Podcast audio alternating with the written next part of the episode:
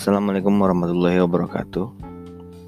Uh, teman-teman, pada hari ini adalah hari Kamis, di mana setiap minggu saya akan mengirimkan podcast untuk pengetahuan kalian. Selain kalian ada rapat meeting, dan juga saya akan memberikan podcast uh, tentang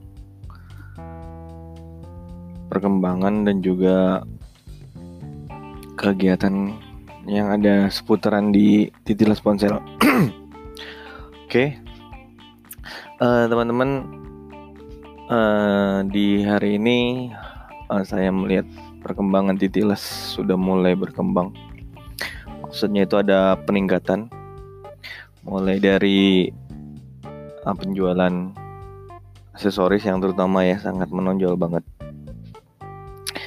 uh, dan juga voucher juga stoknya pada habis banyak yang habis uh, ternyata apa ya uh, kita tuh bisa di saat pandemi seperti ini kita bisa survive. Ya karena banyak sekali uh, di pandemi ini teman-teman saya atau orang-orang sekitar yang pada di PHK ya teman-teman ya terutama yang kerja-kerja di tambang itu juga banyak yang diberhentikan. Hampir ah, banyak yang diberhentikan untuk pekerjaannya. Tetapi uh, kita masih bisa survive. Itu kita masih bisa survive. Tadi juga saya membuat usaha terobosan baru yaitu galon. Uh, itu juga banyak orang-orang yang pengen kerja. Tuh untuk kerja jadi penghasilan.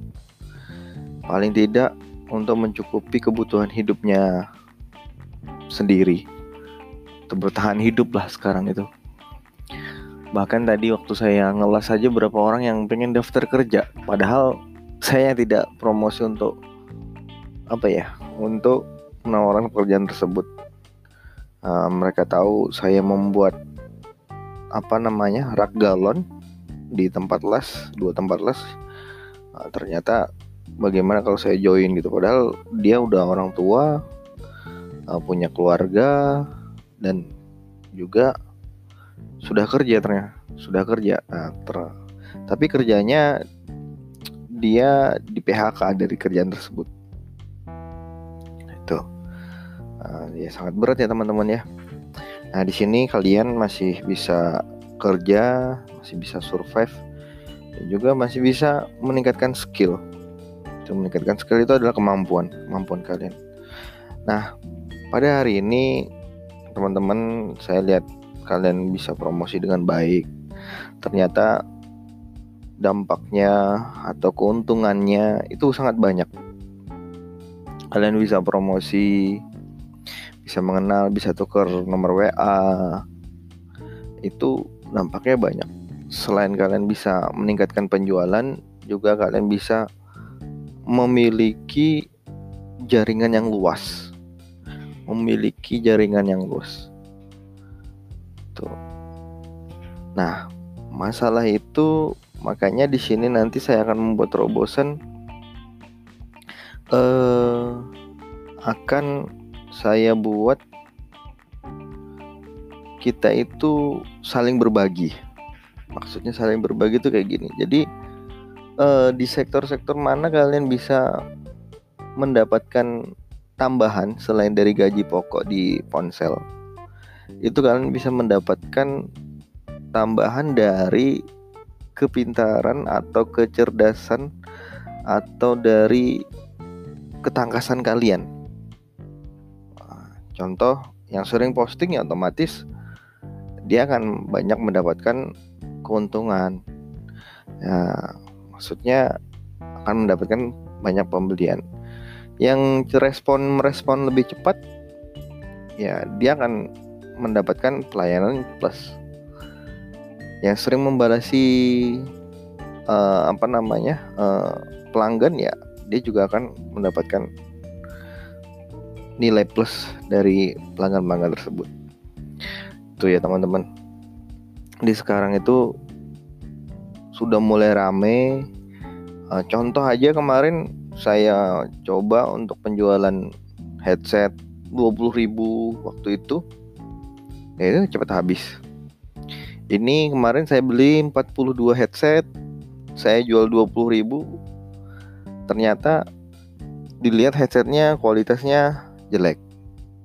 Nah, Oke, okay, saya turunkan jadi 10.000 separuh harga dalam waktu 1-2 hari habis. Iya kan? Nah, berarti minatnya itu emang banyak tinggal trik kita. Dan ini juga saya akan datangkan lagi headset yang sama serupa tapi kayak mudahan aja kualitasnya bagus nah, nanti akan saya jual sama karena untuk membackup dari pelanggan-pelanggan yang belum mendapatkan itu. Gak apa-apa. Untuk bulan ini headset kita serang. Tuh headset kita serang. Nanti bulan depan bisa apa yang kita serang? Nah, contoh kabel data. Kabel data kita serang. Kabel data kita ru harga murah murah murah. Nah, nggak apa-apa. Perputarannya lebih banyak. Orang-orang lebih mengenal nanti tilas ponsel. Nah, belinya di mana di titles ponsel. Dia orang akan mengenal dan juga teman-teman selain itu kalian juga harus bisa menjaga loyalitas kepada pelanggan. Karena pelanggan itu adalah raja. Raja itu ya dilayani sebaik-baiknya. Jangan sampai mengecewakan raja kita raja-raja kita. Walaupun orang itu datangnya dengan raut muka yang tidak nyaman, tidak enak, dengan raut muka yang ah dia beli tapi seperti itu ya nggak apa-apa dilayani itu raja. Kalian bisa membawa ego kalian, membawa apa namanya kondisi kalian, diri kalian jangan sampai uh, mengecewakan. Ya, produk yang kita jual ya kita bilang apa adanya kualitasnya sedang ya kita bilang sedang. Kualitas bagus ya kita bilang bagus. Cacatnya di mana ya kita bilang. Untuk masalah harga ya nggak apa-apa. Harga kita agak mahal tapi dengan pelayanan yang bagus. Kita tidak boleh bohong. Kita harus jujur kepada pelanggan kita. Kalau kita jual uh, produk ya dia tanya di mana kekurangannya kita sebutkan. Tetapi kekurangan itu kita bisa menyebutkan di di akhir. Ya awalnya kita adalah menyebutkan yang kebaikan-kebaikan. Kelebihan-kelebihan keunggulan-keunggulan dari produk itu kalian sebutkan. Jadi teman-teman itu menjual produk menjual barang itu harus menguasai produk. Harus menguasai barang itu. Dari kacamata A, kalian ngerti produk ini begini, begini.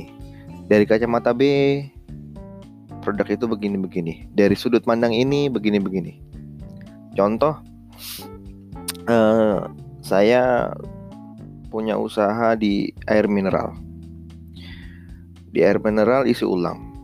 Ada ada pelanggan komplain kenapa saya beli air mineral tempatnya Bapak kok ada jentik-jentiknya? Seperti itu. Ya, itu komplain itu kita terima dengan baik, dengan positif. Jangan langsung kita marah-marah, jangan langsung kita tersinggung, jangan langsung kita suzon. Ya. Nah, ternyata jadi yang pertama adalah saya harus menginvestigasi Kenapa kok bisa terjadi seperti itu? Saya runut. Alurnya galon itu dari mana ke mana, prosesnya bagaimana, saya teliti. Ah, di, nah setelah penelitian saya itu ada dua hal yang terjadi teman-teman.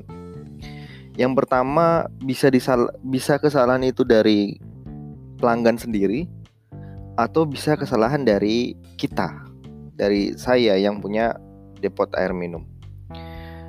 Kesalahan dari pelanggan adalah jadi pelanggan itu memiliki guci atau memiliki dispenser ketika galon habis guci atau dispenser itu galonnya kan diambil.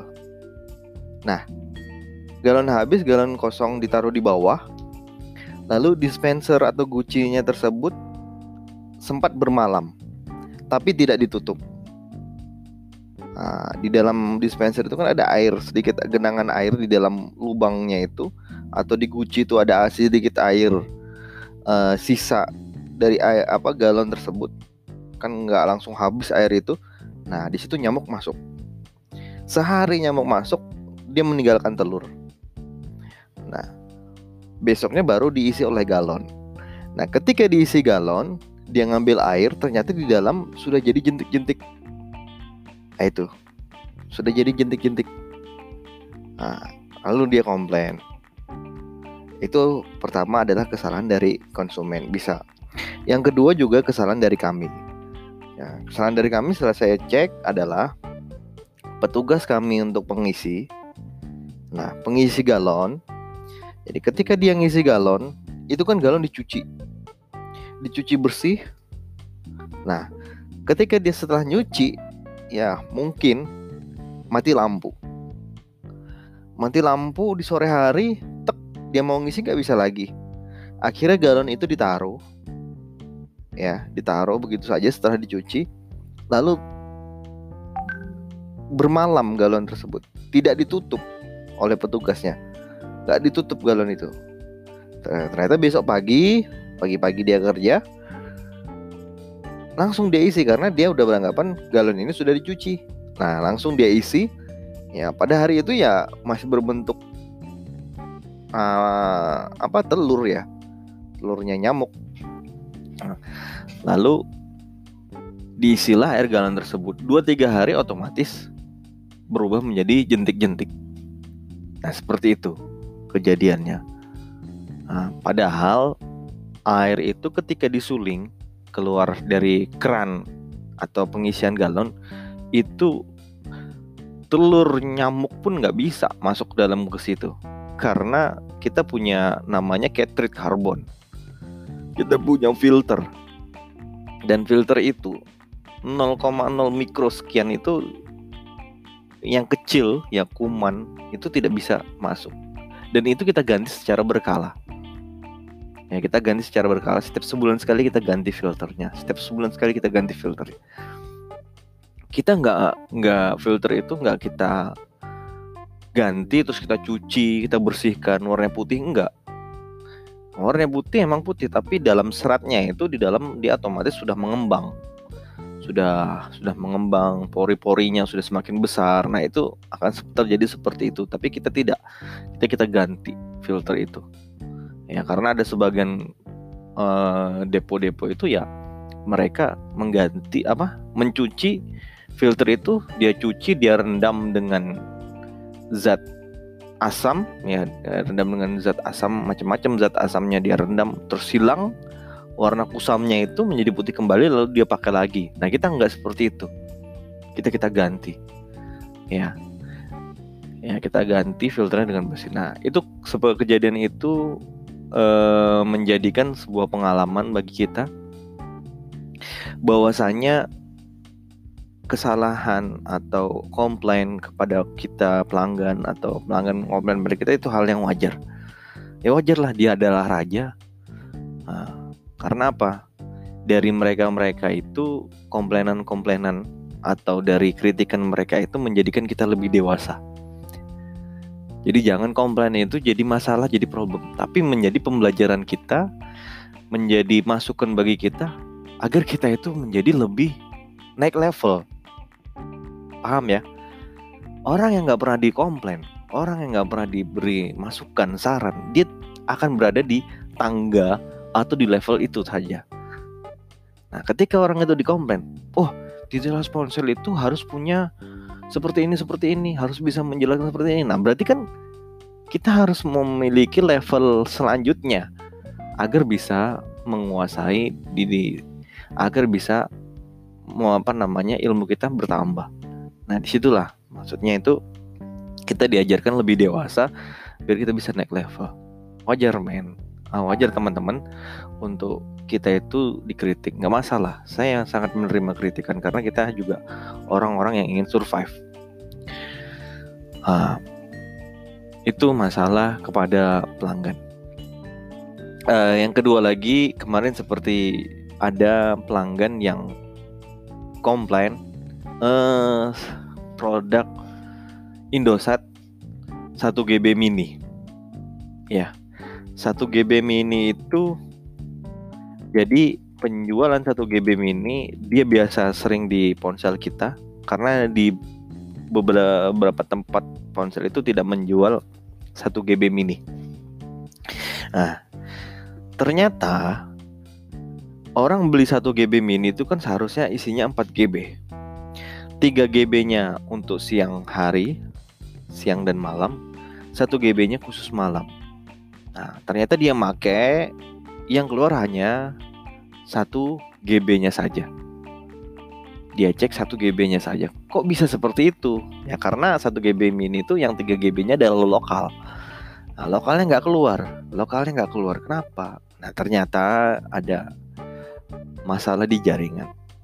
Jadi cara yang pertama itu adalah kalian mematikan jaringan, mematikan data seluler.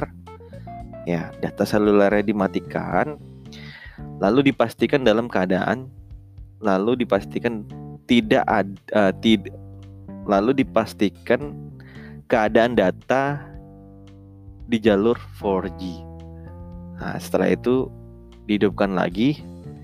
Uh, uh, sorry, uh, jadi jaringan itu tidak berada di jalur 4G. Pastikan keadaan data tidak di jalur 4G.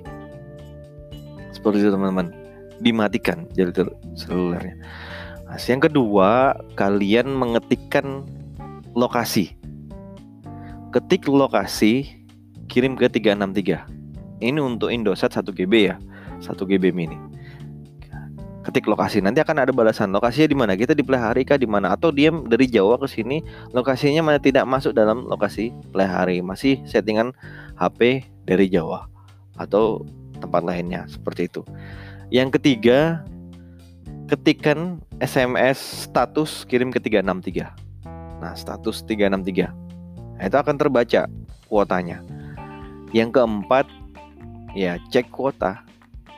Ya cek kuota dengan cara Yusek kirim ke 363.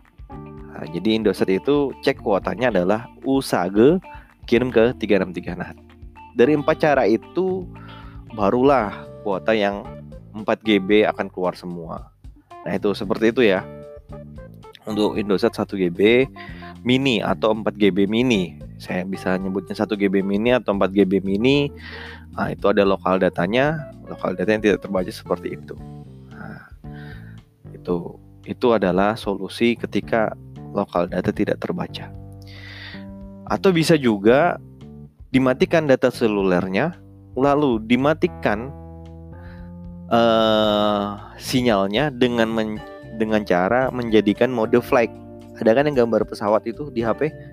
Nah, biar sinyalnya hilang, apanya hilang semua, itu nge-refresh. Daripada mematikan HP ya, agak lama loadingnya, kalian mematikan sinyalnya aja dengan cara mode flight, mode penerbangan. Nah itu, ditunggu beberapa menit, apa satu menit, lalu dihidupkan lagi. Nah, dia merefresh. Itu bisa juga seperti itu. Itu yang dari cara satu tadi.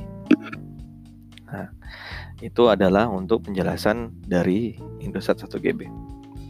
Lalu teman-teman juga uh, masalah uh, just tip. Ya, masalah just tip ini diusahakan bagaimana caranya orang itu tidak kita tidak just tip uh, number first, number pertama tetapi bagaimana orang itu bisa digiring ke ponsel. Ya untuk untuk mengefisiensikan kalian. Atau orangnya itu satu jalur dengan pulang kalian ya silahkan just tip. Nah itu misalnya jauh ya bilang aja. Bisa datang ke ponsel atau bagaimana caranya digiring. Nah dan selanjutnya adalah kalian sebagai uh, buzzer atau kalian sebagai pembisnis online, kalian juga harus bisa gerak cepat. Gercep dalam membalasi uh, pelanggan. Gercep dalam membalasi chat-chat pelanggan uh, apa yang diinginkan pelanggan kalian balasi nah dalam membalasi pelanggan uh, kalian bisa menggunakan aplikasi penunjang seperti dari keyboard nah jadi ada namanya yang sudah saya ajarkan kepada Yuni ada namanya eh apa namanya smart keyboard. Nah, jadi kalian mengetik contoh ada orang minta nomor rekening. Ya udah, ketik R1 rekening yang nomor satu dikirim. R2 rekening 2 terkirim. Nah, gitu. Jadi tidak usah ngeklik lagi nama nomor rekening, nama, alamat dan sebagainya. Dia minta alamat ponsel. Ya udah.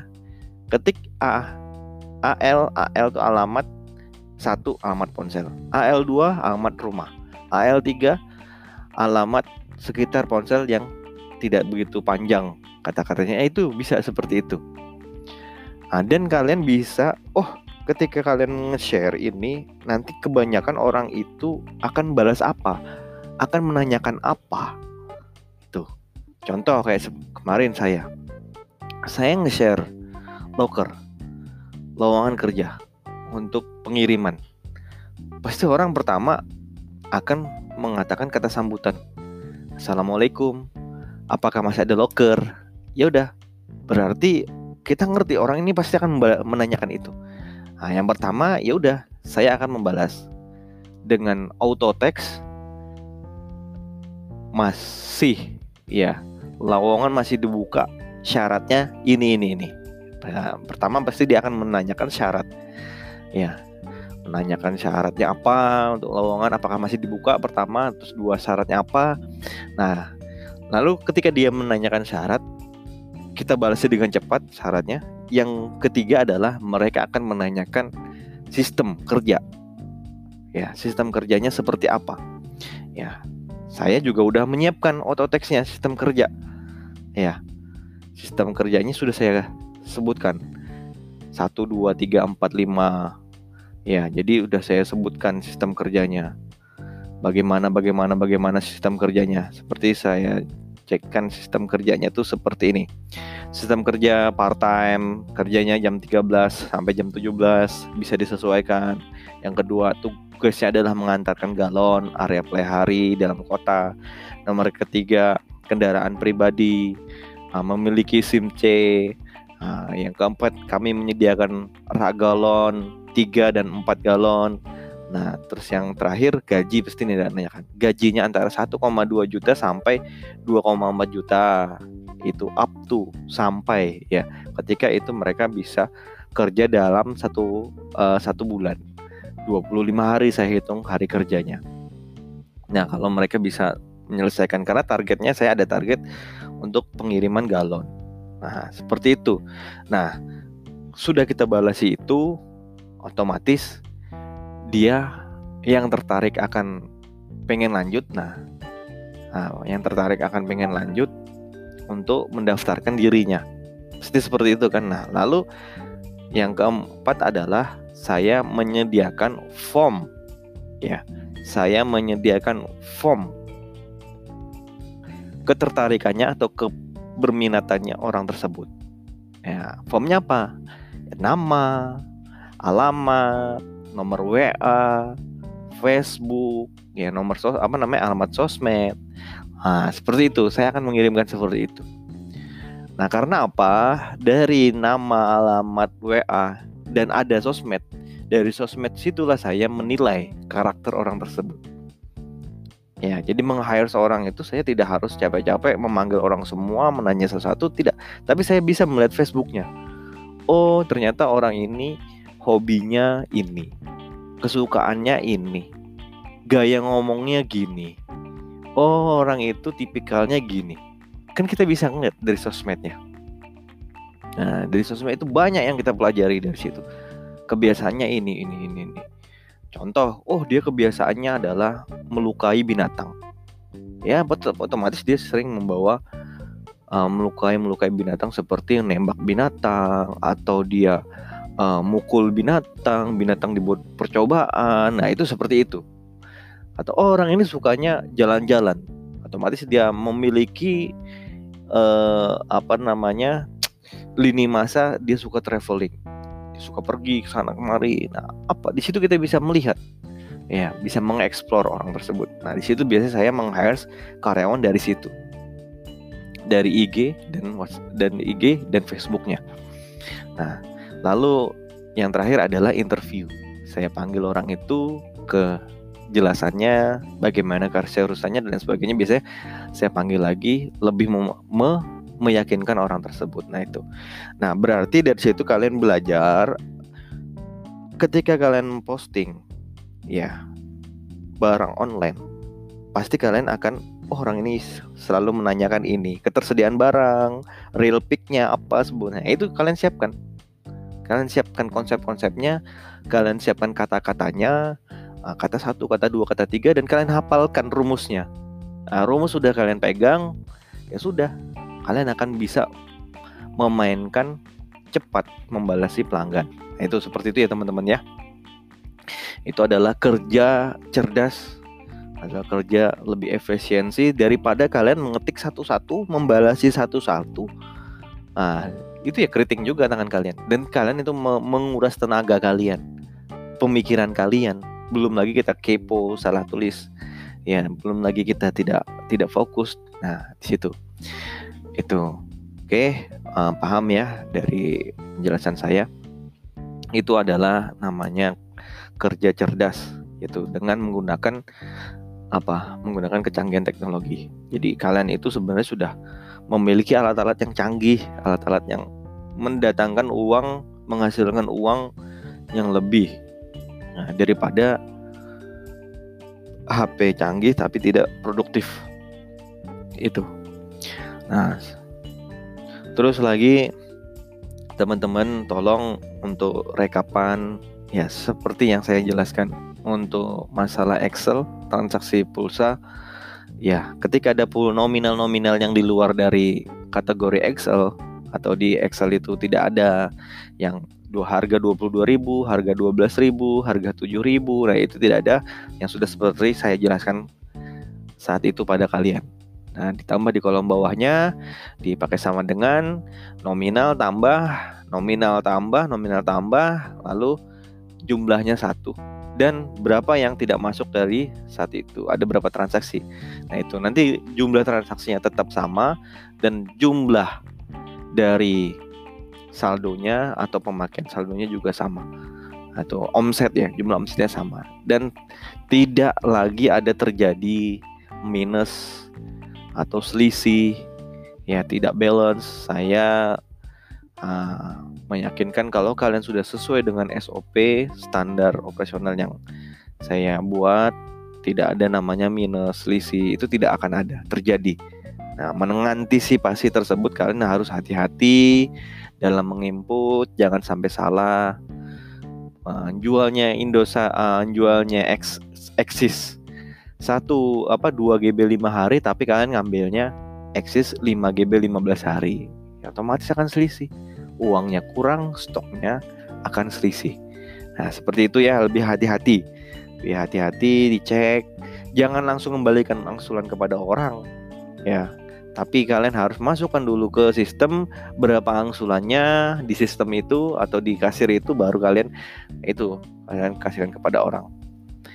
Nah, sama pengisian pulsa pun seperti itu. Jangan langsung ngisikan pulsa kepada orang sebelum kalian nulis di buku. Ya kalian tulis dulu nomornya uh, kalian bilang kepada orang sudah benar pak. Ya akhirnya baru kalian kirim. Seperti itu ya teman-teman ya. Nah, bisa dipahami dan mengerti insya Allah sekian dulu podcast saya pada malam hari ini. Uh, semoga tambah sukses dan berhasil. Wassalamualaikum warahmatullahi wabarakatuh